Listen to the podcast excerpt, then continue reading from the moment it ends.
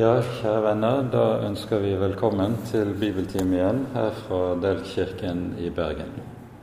Velkommen både til alle dere som er her til stede, og alle som følger oss via nett.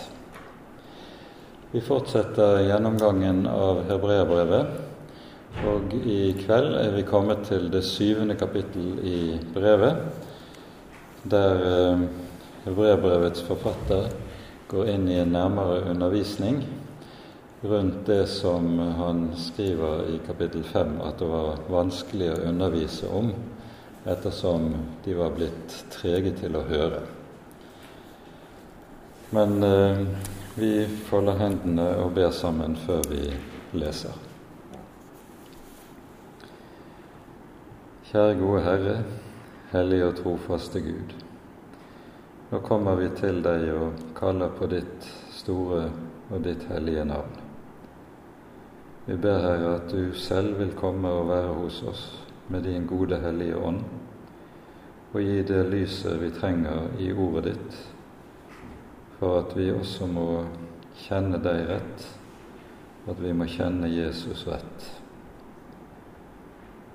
Takk, gode, hellige Far, mest av alt at du har gitt oss din egen sønn, at han er vår konge. Han er vår ypperste prest, og han er også profeten som lærer oss alt vi trenger.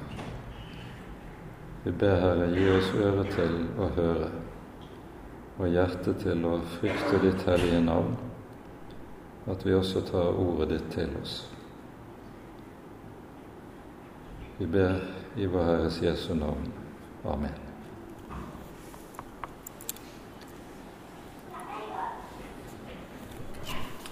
Som nevnt så tar vi altså i dag for oss det syvende kapittelet i Hebreabrevet, og vi innleder dette med at vi leser hele det syvende kapittelet i sammenheng.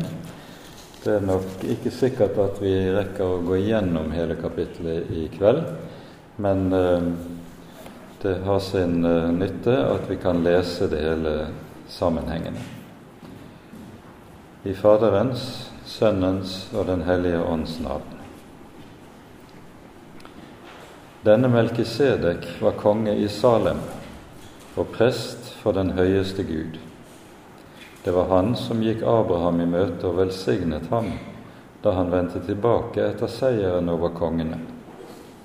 Det er han Abraham ga tiende av alt. Han er, når en tyder navnet, for det første rettferdighetens konge. Dernest er han også Salems konge, dvs. Si freds konge. Han er uten far og uten mor, uten ettertavle.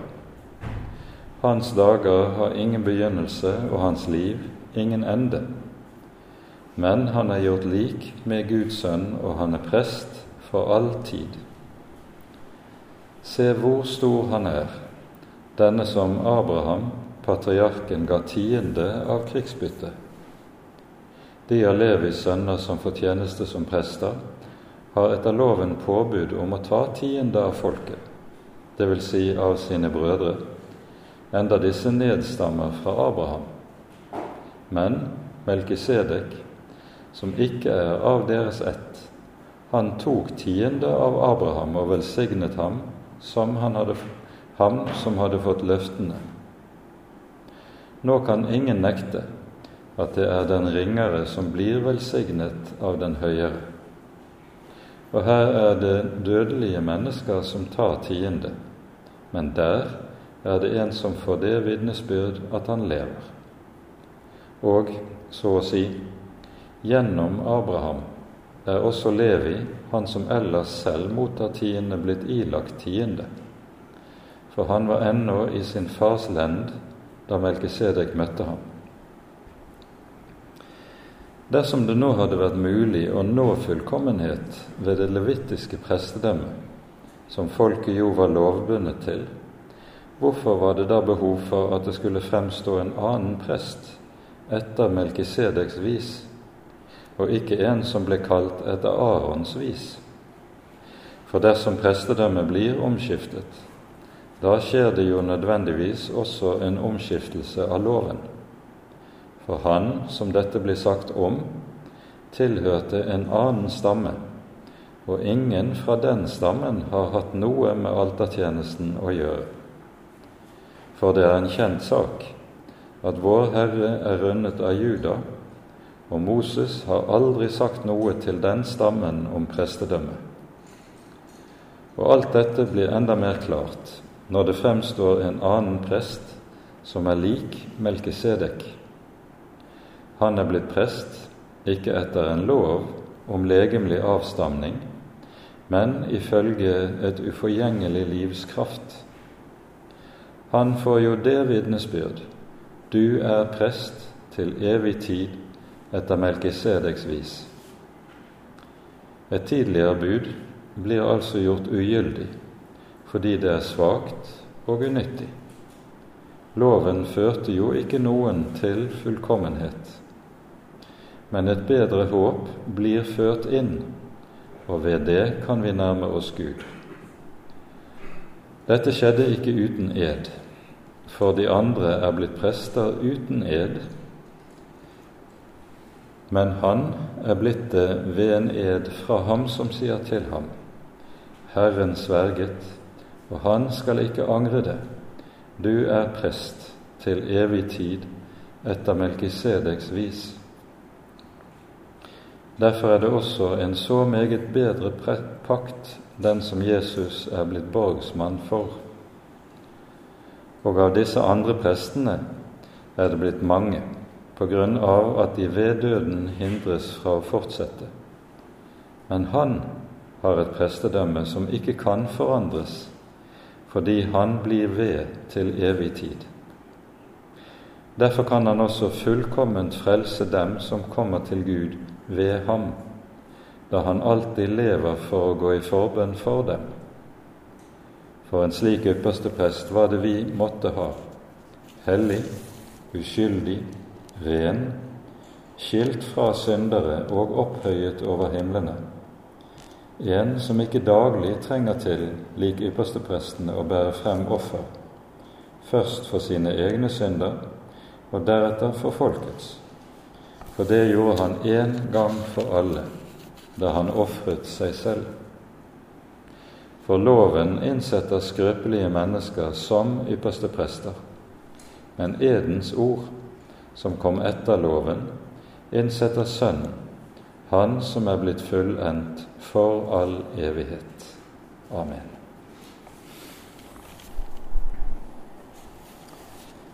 Med dette er vi altså, som nevnt, inne i en mer eh, inngående undervisning i hebreerbrevet om det som hebreerbrevets forfatter allerede i kapittel 5 har omtalt som noe som er vanskelig å forklare, fordi adressatene for brevet er blitt trege eller sløve til å høre. Etter at han har advart nokså inngående imot denne tunghørthet, så er det og dette hører vi jo i slutten av kapittel 5 og begynnelsen av kapittel 6, så er det at han vender tilbake til temaet rundt Jesus som vår ypperste prest etter Melkisedeks vis. Og Dette er jo noe som vi hører omtalt tidligere i kapittel 5. Han ble av Gud kalt ypperste prest etter Melkisedeks vis. Um, og poenget her er at hebreerbrevets forfatter nå utlegger det vi hører i Salme 110. Salme 110 er en av de helt sentrale messianske salmene i Det gamle testamentet, sammen med Salme 2. Det er jo en hel rekke salmer i Salmenes bok som sikter til den kommende Messias, men de to mest sentrale er de som også brukes her i eh, hebreerbrevet, og pekes på meget her i hebreerbrevet, det er Salme 2 altså, og Salme 110. Ellers er det jo slik at Salme 110 er den salmen som av Jesus i stridssamtale med fariseerne, slik som vi hører det i Matteusevangeliet kapittel 22, brukes som skriftbevis på at Messias også er Gud. Han er Davids sønn og samtidig også Gud. Og Dette er eh, i Jesu munn et gammeltestamentlig skriftbevis på Messias guddom, noe som lukker munnen på hans samtalepartnere ved den anledning. Det som vi nå hører her i Hebreane 7, det er hva det innebærer, hva det betyr at Jesus er ypperste prest etter Melkisedeks vis. Og Her er det viktig å være oppmerksom på det som eh, kommenteres noe lenger nede i eh, teksten, nemlig vi hører i eh, vers 14 det er jo en kjent sak at Vår Herre er rundet av Juda, nemlig Judas stamme. De tolv stammene i Israels folk var inndelt slik at de fikk hver sin arvelodd omkring i, det lovede land.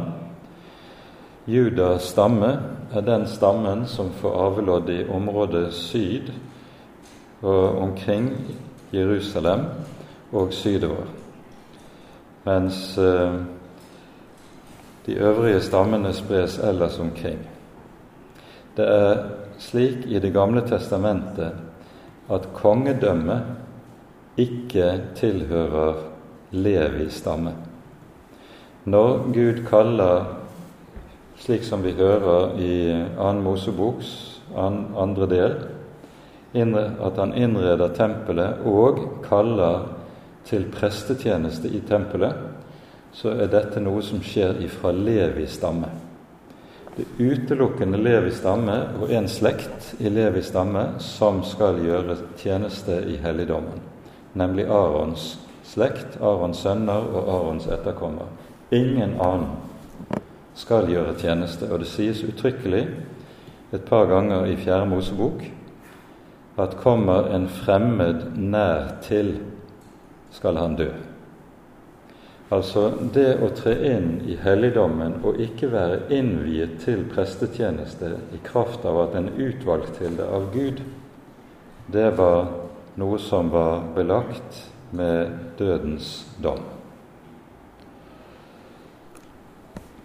Og Da er det altså slik at det kun Arons sønner som har rett til å komme nær til.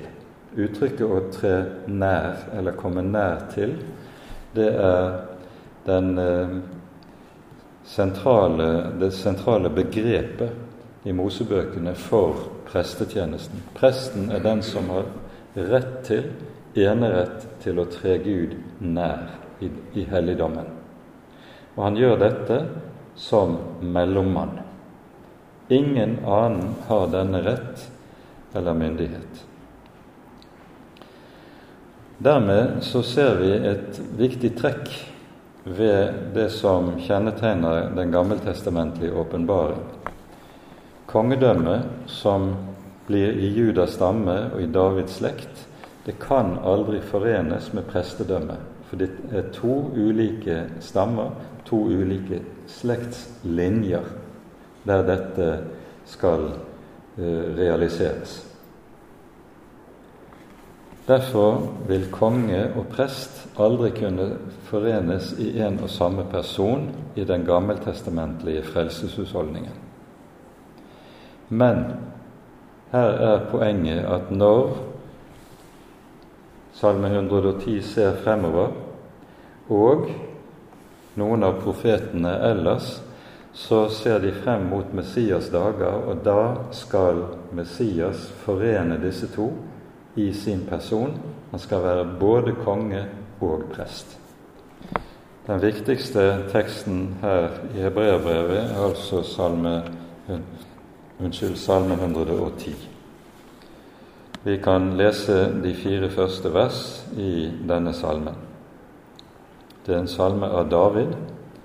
Herren sa til min Herre, Sett deg ved min høyre hånd, til jeg får lagt dine fiender til skammel for dine føtter.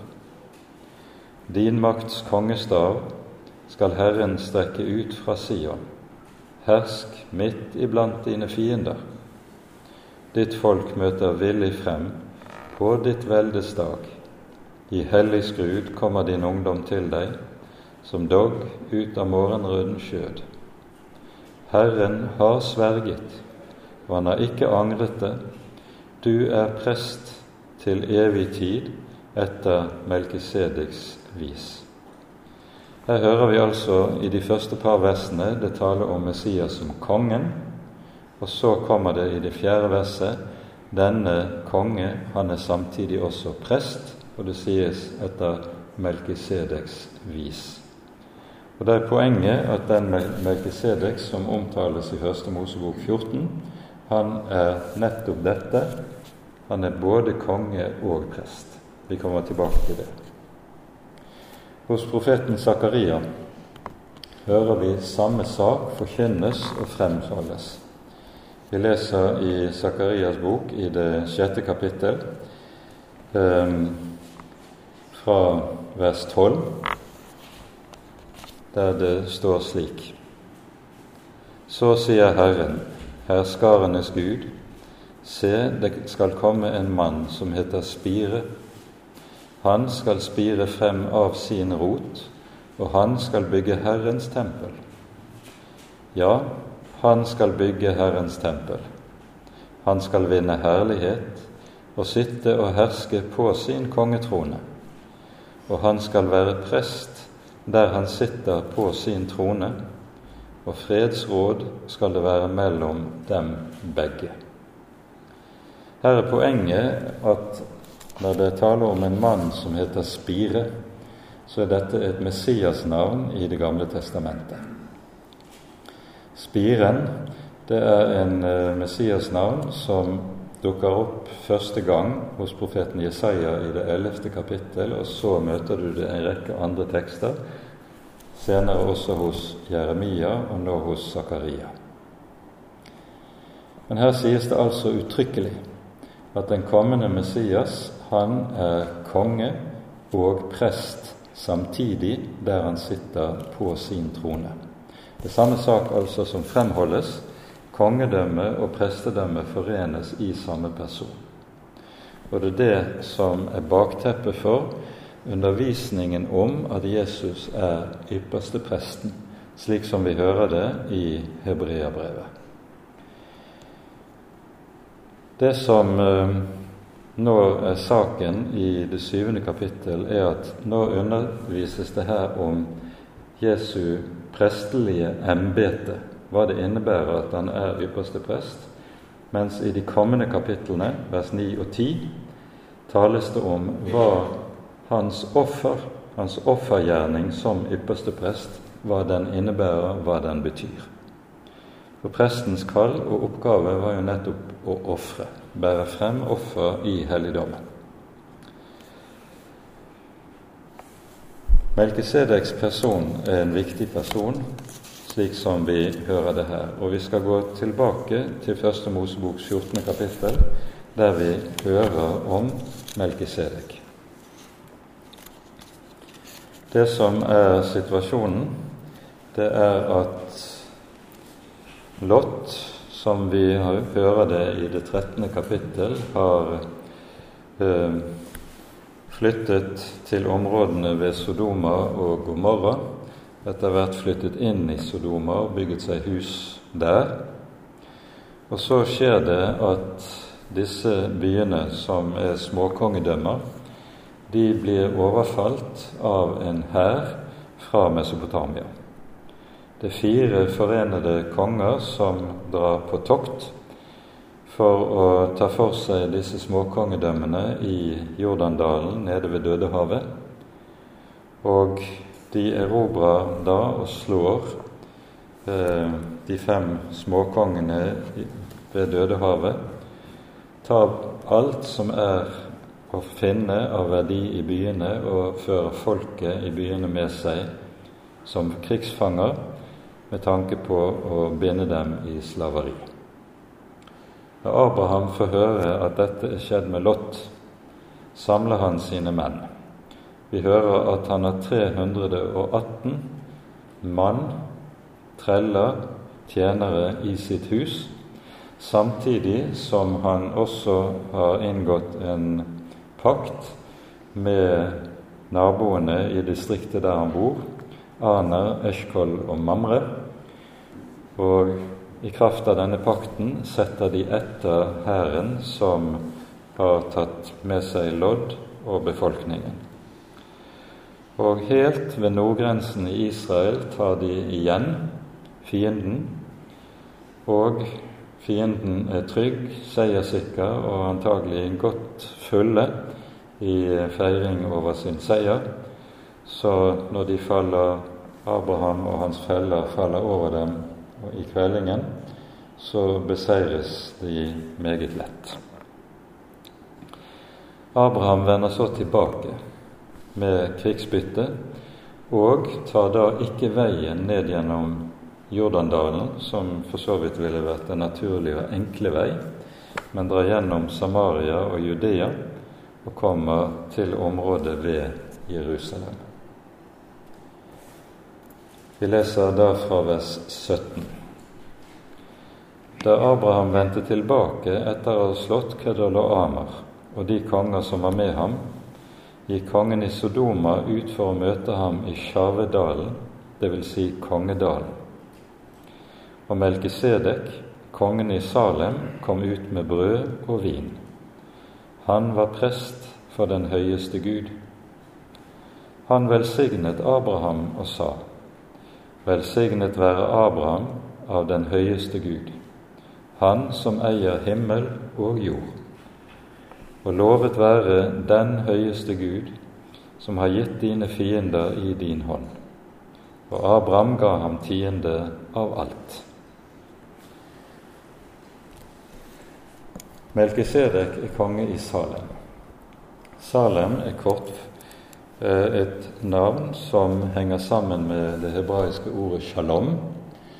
Og Hebreabrevet hebreerbrevet kommenterer altså dette når det sies at han er konge i Salem, betyr det han er fredens konge. Og Dette er noe av bakteppet for at Messias senere kalles for fredsfyrsten i Det gamle testamentet. Kongen heter altså Melkisedek. Og Navnet kommer av to hebraiske ord som er satt sammen. Meler, som betyr konge, og Tzedek, som betyr rettferdighet. Min konge er rettferdig, eller rettferdighet betyr, betyr navnet. Og Bibelen har jo det med seg at den tillegger person, sine hovedpersoners navn den aller største betydning fordi navnet er innbegrepet av en persons vesen og en persons karakter. Han er kongen som er den rettferdige. Og Da er det et hovedpoeng i dette at nettopp dette kommer til å bli et, en hovedkarakteristikk ved den Messias som profetene senere taler om og utfolder bildet av gjennom sitt profetiske virke.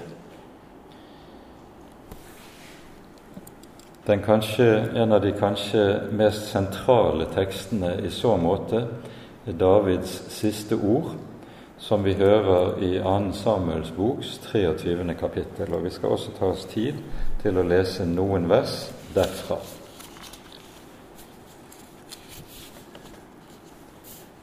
Davids siste ord, når det benevnes slik, så må det forstås som Davids åndelige testamente.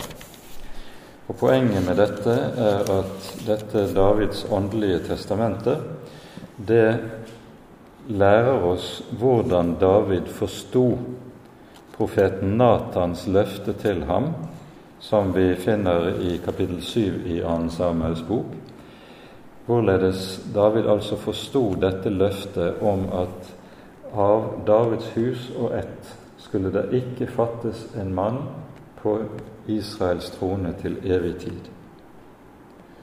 Og Herren sier også gjennom Natan om denne som skal være Davids sønn, at 'jeg vil være ham en far, og han skal være meg en sønn'.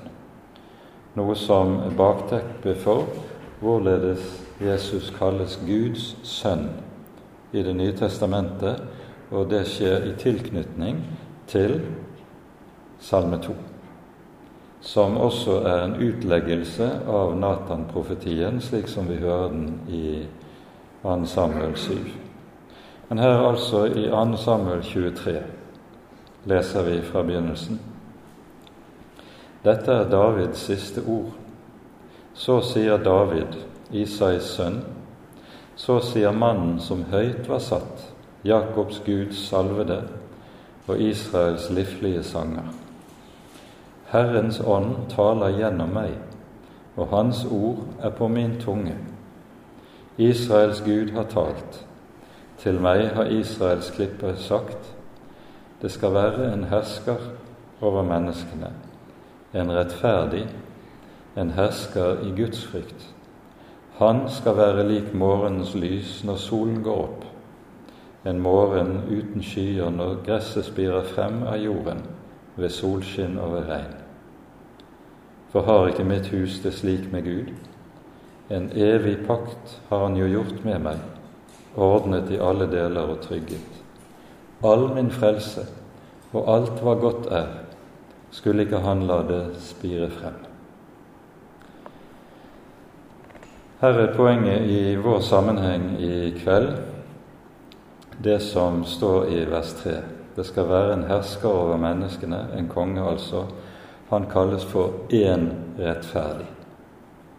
I motsetning til det som kjennetegner Israel, som er urettferdige, og som ikke bærer rettferdighetens frukt for Gud, så er denne kongen han er rettferdig. Og i tråd med dette kalles også Jesus i Det nye testamentet for den rettferdige i bestemt form. Han er ikke bare én rettferdig, men han er den rettferdige. Og med det sier Det nye testamentet at det egentlig bare er ett eneste menneske under himmelen som er rettferdig, dvs. Si syndfri, hellig og fullkommen. Og det er det som ligger i tittelen her. Han skal være en rettferdig. Og Det er i forlengelsen av dette at profeten Jeremia, når han ser fremover mot den kommende Messias, og tegner han i motsetning til Israels urettferdige konger, slik vi hører det i Jeremia kapittel 23, så sier han han kaller den kommende Messias for Herrens spire, sånn som vi har hørt. Og så sier han dette er det navn han skal kalles med. Herren vår rettferdighet. Poenget er den rettferdighet du og jeg eier for Gud, er ikke noe som er noen egenskap ved oss eller noe vi kan opparbeide. Men vår rettferdighet for Gud er en person. Det er Jesus som er min rettferdighet. Det er Jesus som er min hellighet. Det er Jesus som er mitt lys og mitt liv. Det er denne tenkningen som ligger i forlengelsen av dette som altså sies som i et nøtteskall, gis oss som i et nøtteskall, i forbildet med Melkisedek. Melkisedek er altså konge i Salem. Det er det gamle, det opprinnelige navnet på Jerusalem. I eh, løpet av de 400 årene Israel er i Egypt, før Israel ledes fri fra fangenskapet, så kommer Jerusalem til å bli erobret av et av de kananittiske folkeslagene, nemlig jebusittene. Og De kaller byen opp etter seg. Den kalles Jebus. Og eh, når David enda noen århundrer senere erobrer Jerusalem og gjør Jerusalem til sin hovedstad, så gir David byen tilbake dens gamle navn, dens opprinnelige navn, Jerusalem, fredens bolig, eller det sted som eier freden. Um, nå hører vi om Melkisedek, at han kommer ut for å velsigne Abraham. Og vi hører han han er forbildet på den Messias som skal komme, slik vi lærer det i Hebreabrevet. Han kommer ut med vin og brød. Og På denne måten er Melkisedek også forbildet på hvorledes vår Herre Jesus kommer til oss med vin og brød i den hellige nattverd. Dette er noe som vi gjenfinner i en del eldre kirkekunst, der Melkisedek, vår Herre Jesus, er den som kommer og rekker Abrahams ett, velsignelsen i brødet og i vin. Så sies det at han var prest for den høyeste Gud. Det har vært vanlig innenfor eh, liberal teologi å hevde at den høyeste Gud neppe har vært den samme som Israels Gud, Herren sånn som vi møter ham ellers i Skriften. Men vi hører Abraham litt lenger ute i kapitlet gjør tydelig og klart at den Gud som er Melkisedeks Gud, den Gud er også Abrahams egen Gud. Det er ham Abraham har fulgt når han har brutt opp fra sitt land og fra sin fars hus for å gå til det land Herren har lovet ham.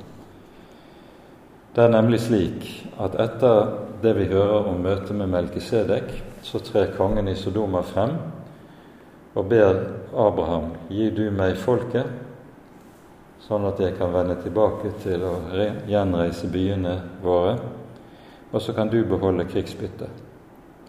Og da er det Abraham svarer kongen i Sodoma følgende, fra vers 22. Jeg løfter min hånd til Herren, den høyeste Gud, Han som eier himmel og jord.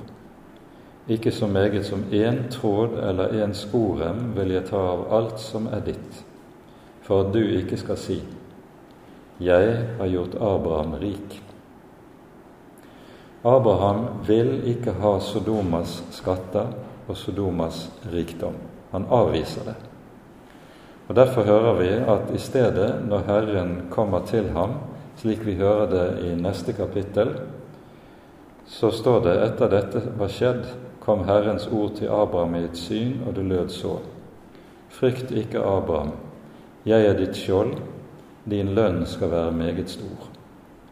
Slik er det oversatt i våre bibler.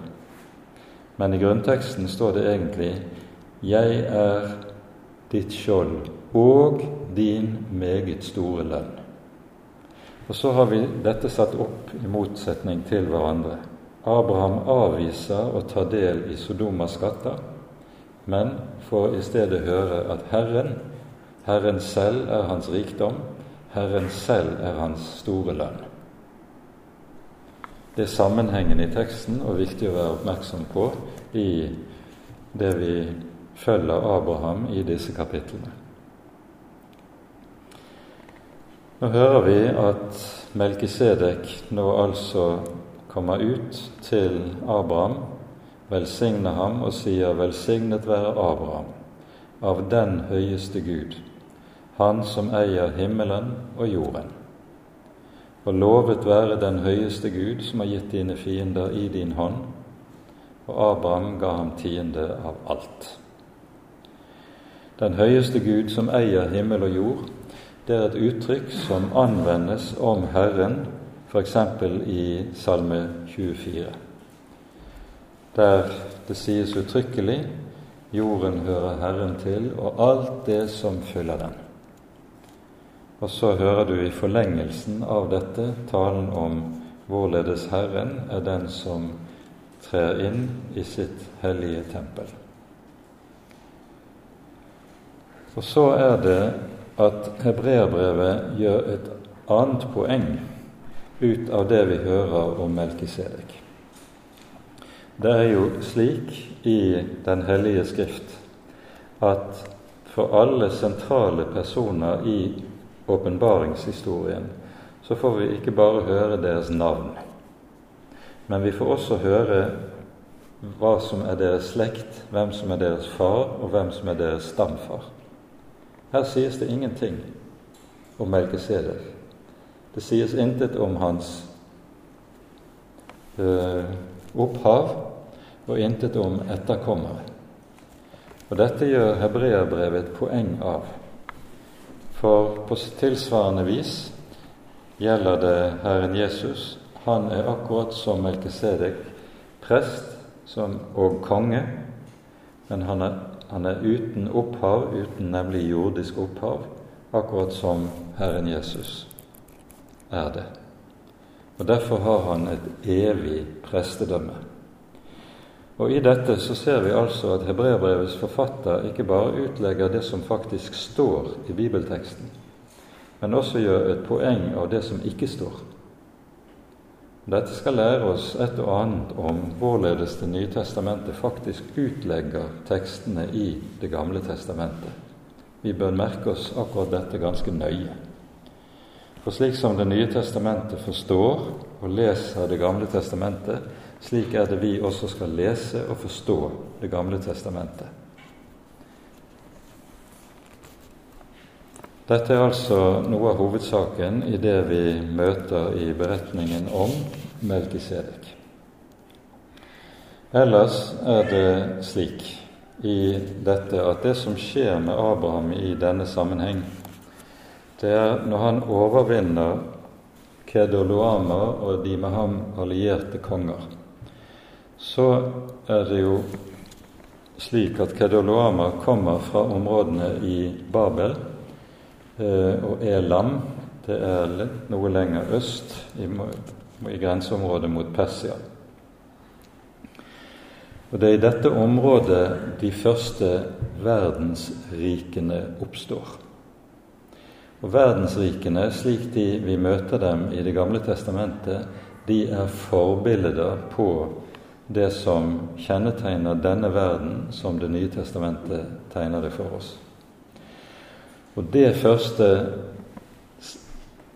den første spiren til verdensriket som vi hører om i Skriften, det er det vi leser om i Første Moseboks tiende kapittel, der vi hører om Nimrod, som nettopp kommer fra disse områdene i Babel, Elam, Asyria, det er områdene i dagens Irak.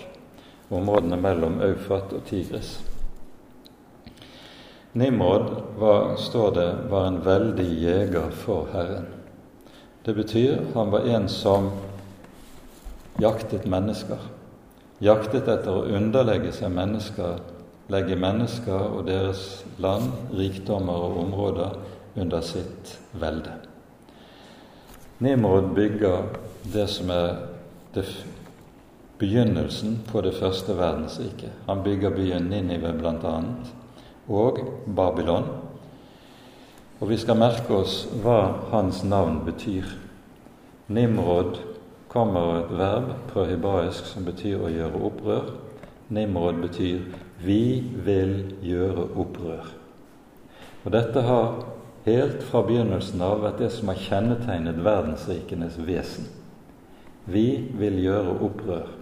Og det er opprør mot Herren og mot Hans bud og Hans lov det handler om. Dette har alltid kjennetegnet verdensrikene, og det gjør det enn i dag. Det får være nok om det i denne sammenheng, men det er ikke tilfeldig at Abraham overvinner disse.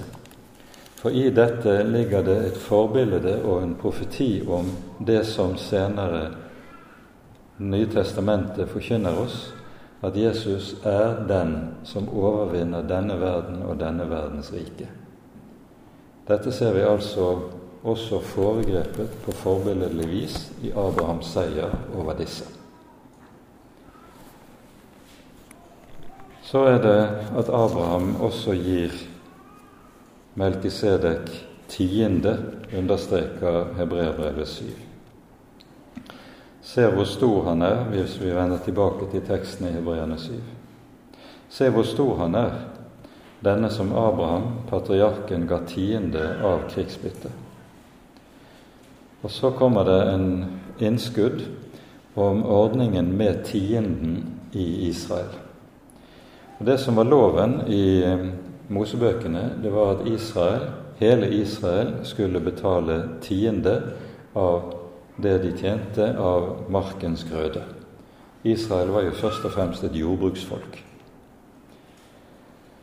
Og de som skal motta tienden som er for Herren, det er Levi stamme. For i motsetning til de øvrige stammene så fikk ikke Levi stamme, prestestammen, fikk ikke sitt eget landområde tildelt når Herren deler landet mellom de tolv stammene. Det er én stamme som ikke får et eget landområde.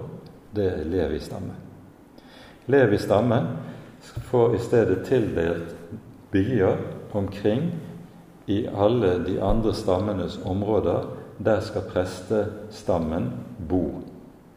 Og hensikten er ganske bestemt og tydelig, nemlig den at det er hos prestene at Herrens lov først og fremst blir bevart og blir undervist. De skal undervises fra slekt til slekt i Moselov, og det ganske særlig trenger de jo opplæring i alt som har med offertjenesten etter Moselov å gjøre. Så prestene er de, og prestestammen er de som skal, er satt til å bevare Guds ord i Israel. Og når de er spredd omkring i Israel, så er det for at Israel gjennom dette skal ha mulighet til å bli kjent med Herrens lov og Herrens ord. Fordi de ikke får sitt eget stam, stammeområde, og altså har mulighet, den store muligheten til jordbruk, høste markens grøde som de øvrige stammene, så er de øvrige stammene forpliktet til å gi tiende til Levi stamme. Og Levi stamme igjen de skal gi tiende av det de får, til Arons hus, prestene, for at Arons hus skal ha det de trenger for å leve. Dette er ordningen. Og nå er det altså at hebreerbrevets forfatter kommenterer dette med å si at her i Abraham er i prinsippet til og med Arons hus og Levi stamme forpliktet til å gi tiende fordi de så å si fortsatt er i Abrahams lend. De er enda ikke født riktignok, men i og med det så er de også pliktskyldige å gi tiende til Melkisedek. Og Derfor, på forbilledlig vis, er til og med Levis stamme underordnet denne Melkisedek. Det er tankegangen som følger i disse versene som kommer da fra vers 5 til 10. Så fortsetter Hebreerne 7 med å tale om å komme inn på forskjellen mellom prestedømmet i den gamle pakt og prestedømmet i den nye pakt. Og Her er det vi nå for første gang hører tale om en bedre pakt. Dette tas bredere opp i det åttende kapittel. Vi kommer ikke videre inn på det i kveld. Men det er altså tale om et prestedømme som blir omskiftet. Dersom det nå hadde vært mulig å nå fullkommenhet ved det levittiske prestedømmet, som folket jo var lovbundet til, hvorfor var det da behov for at det skulle fremstå en annen prest etter Melkisedeks vis, og ikke en som ble kalt prest etter Arons vis? For dersom prestedømmet blir omskiftet, da skjer det jo nødvendigvis også en omskiftelse av loven. Og Poenget her er jo det at det er Gud som i sin hellige lov, de fem Mosebøkene, innstifter ordningen med tabernaklet, med offertjenesten og prestetjenesten. Dette er gitt av Gud. Men slik som hebreerbrevet utlegger dette, så er alt det hele dette som vi kaller for seremonial lovgivningen det er noe som er gitt kun som en anskuelsesundervisning og et forbilde på det som skal komme.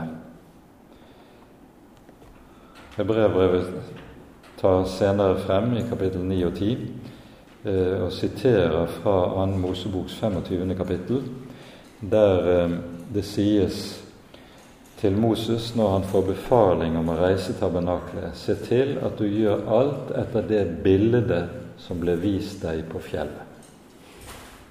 Hele offertjenesten er så å si et bilde, og som bilde skal det anskueliggjøre det som en gang kommer.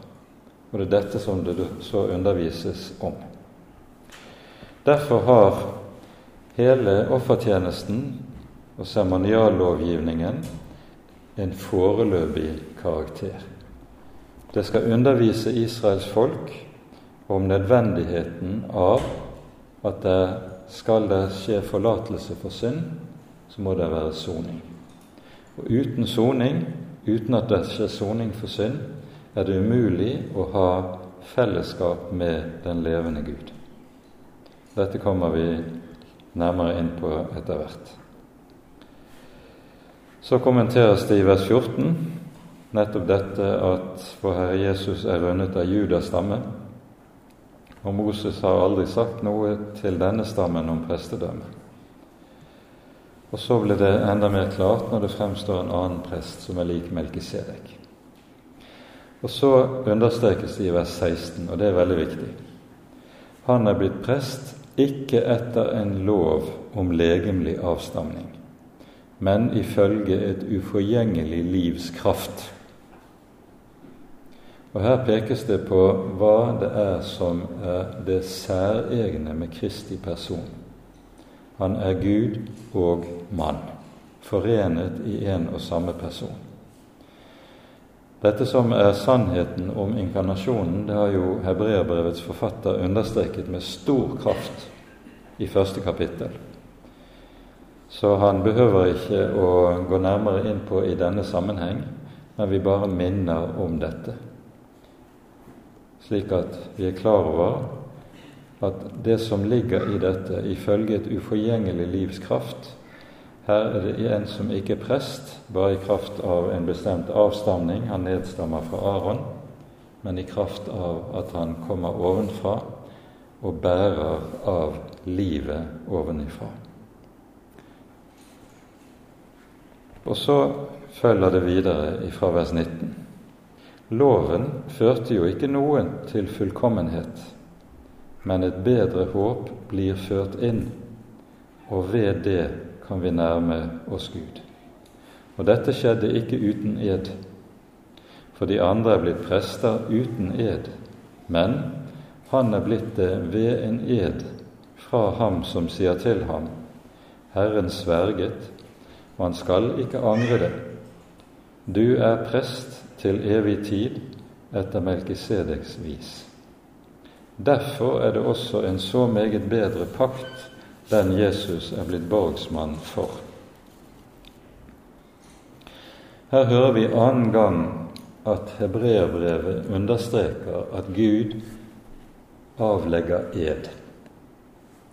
Det samme hører vi om i det sjette kapittel, og der handler det om, slik som vi har lest det der, eh, fra vers 17, Gud ville vise løftets arvinger desto mer klart sin uforanderlige vilje, og derfor bekreftet han det ved en ed.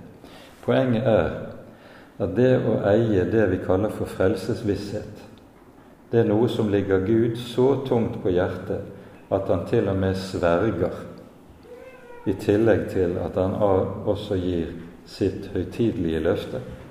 Han er den som ikke kan lyve, men både lover og sverger å holde for at vi skal eie en ubrytelig visshet om hva Han har lovet.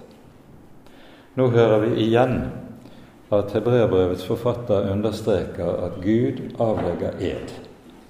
Og Denne gang er det i forbindelse med utvelgelsen av Messias til hans prestelige embete.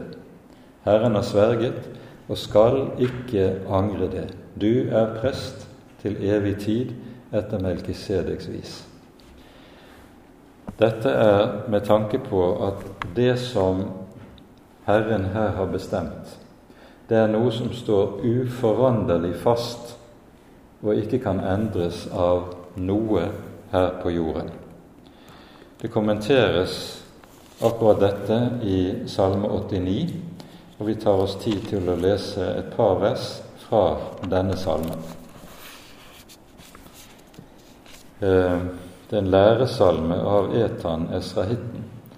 Og det er en læresalme som peker frem imot den lovede Messias og hva som er Guds råd i forbindelse med denne kommende frelser.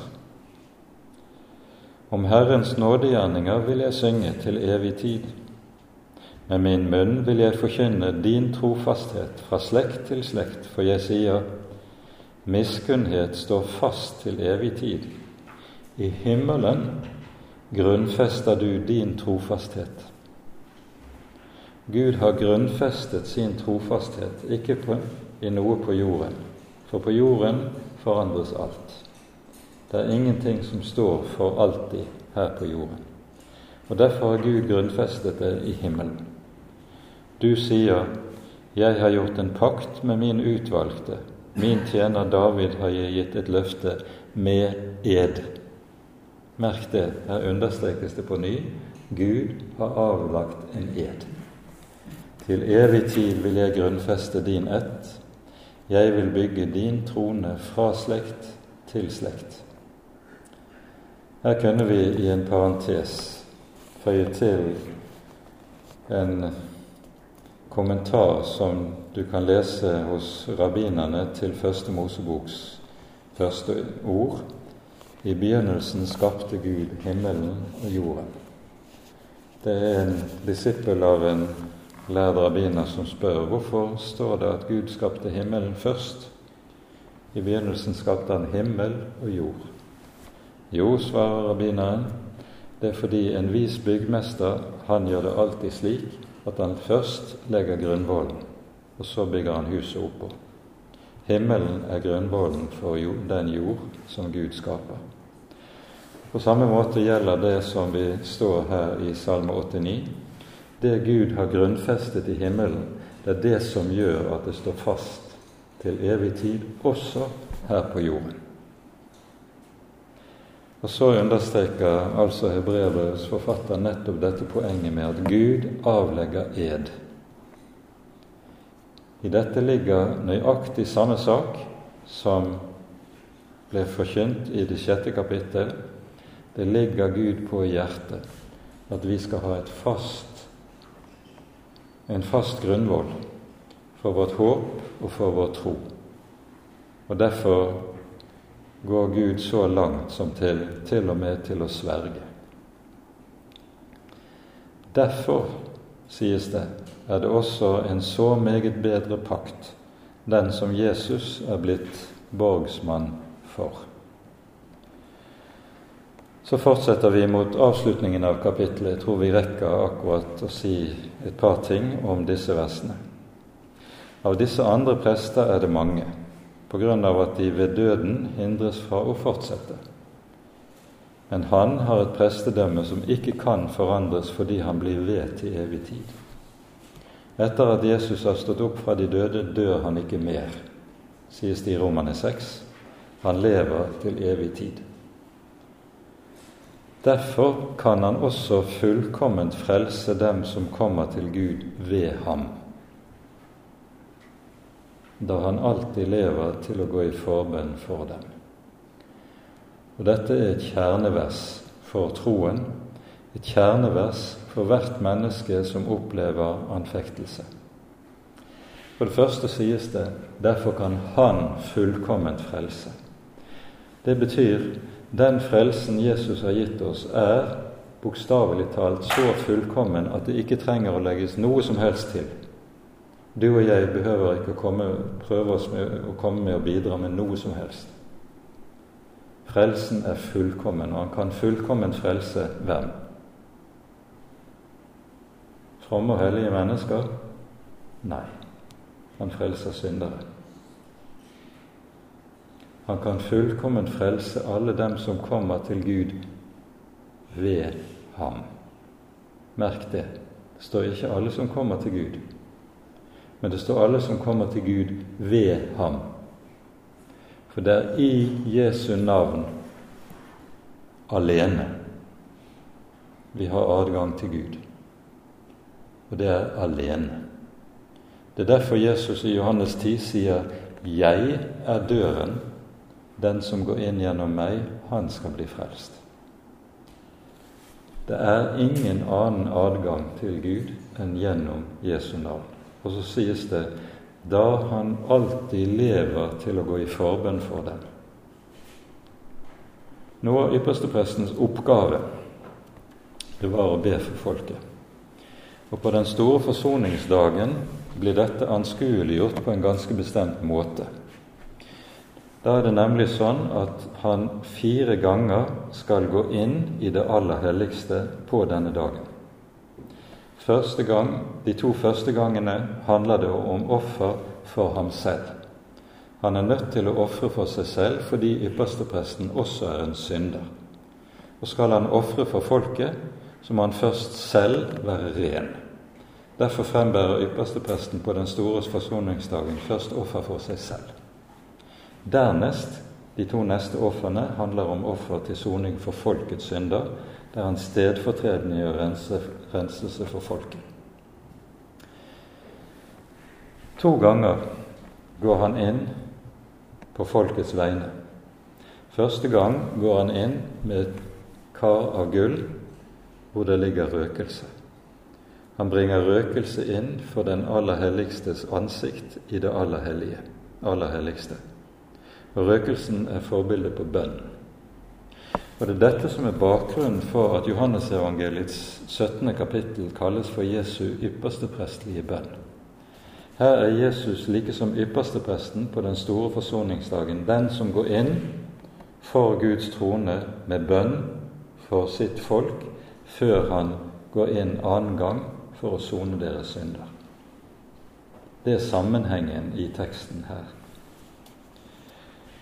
Og så sies det nå altså at han kan fullkomment frelse alle som kommer til Gud ved ham, da han alltid lever til å gå i forbønn for dem.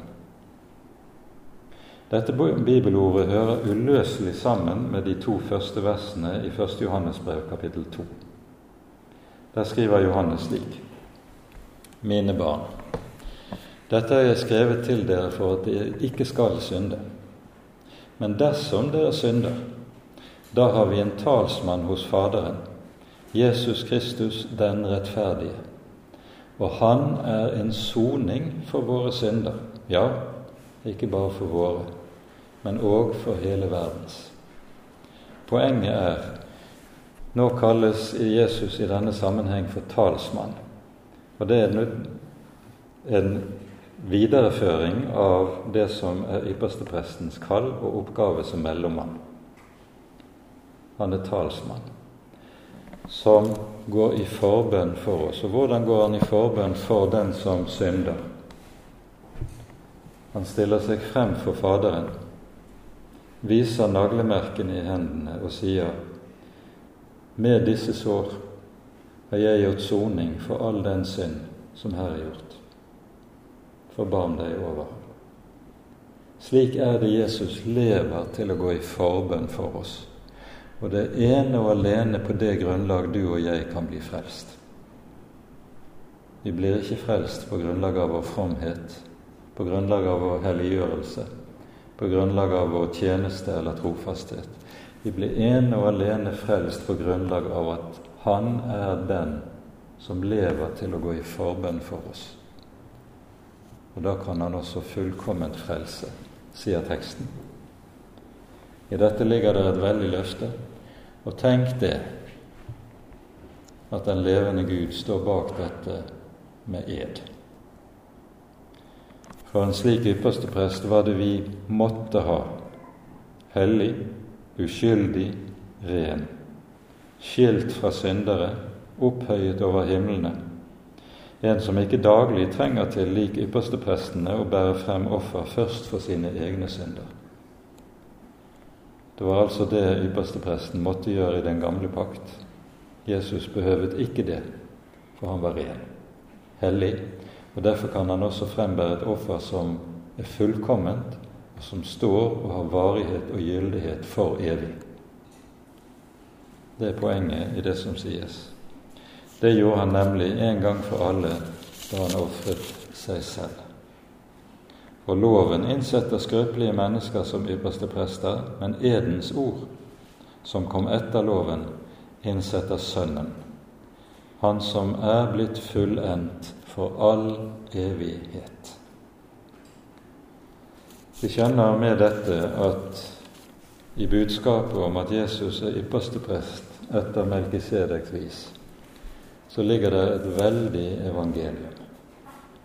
Det ligger et veldig evangelium og en veldig trøst for oss arme syndere. Og det skal vi få lov til å ta med oss.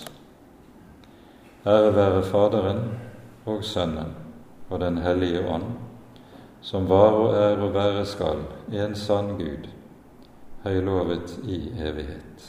Amen. La oss så sammen be Herrens bønn.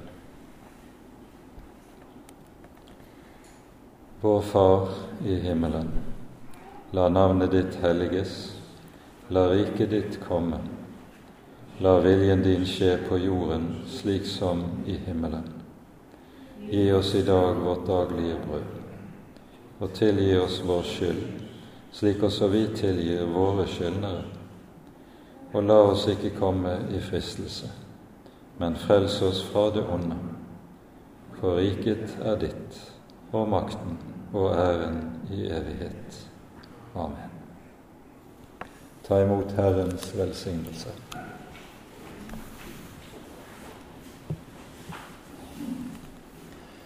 Herren velsigne deg og bevare deg. Herren la sitt ansikt lyse over deg og være deg nådig. Herren løfte sitt åsyn på deg og gi deg fred. Amen. Og Med det sier vi takk for i kveld. Vel hjem. Neste bibeltime er onsdag om to uker, og vi fortsetter da videre utover i Hebreabrevet.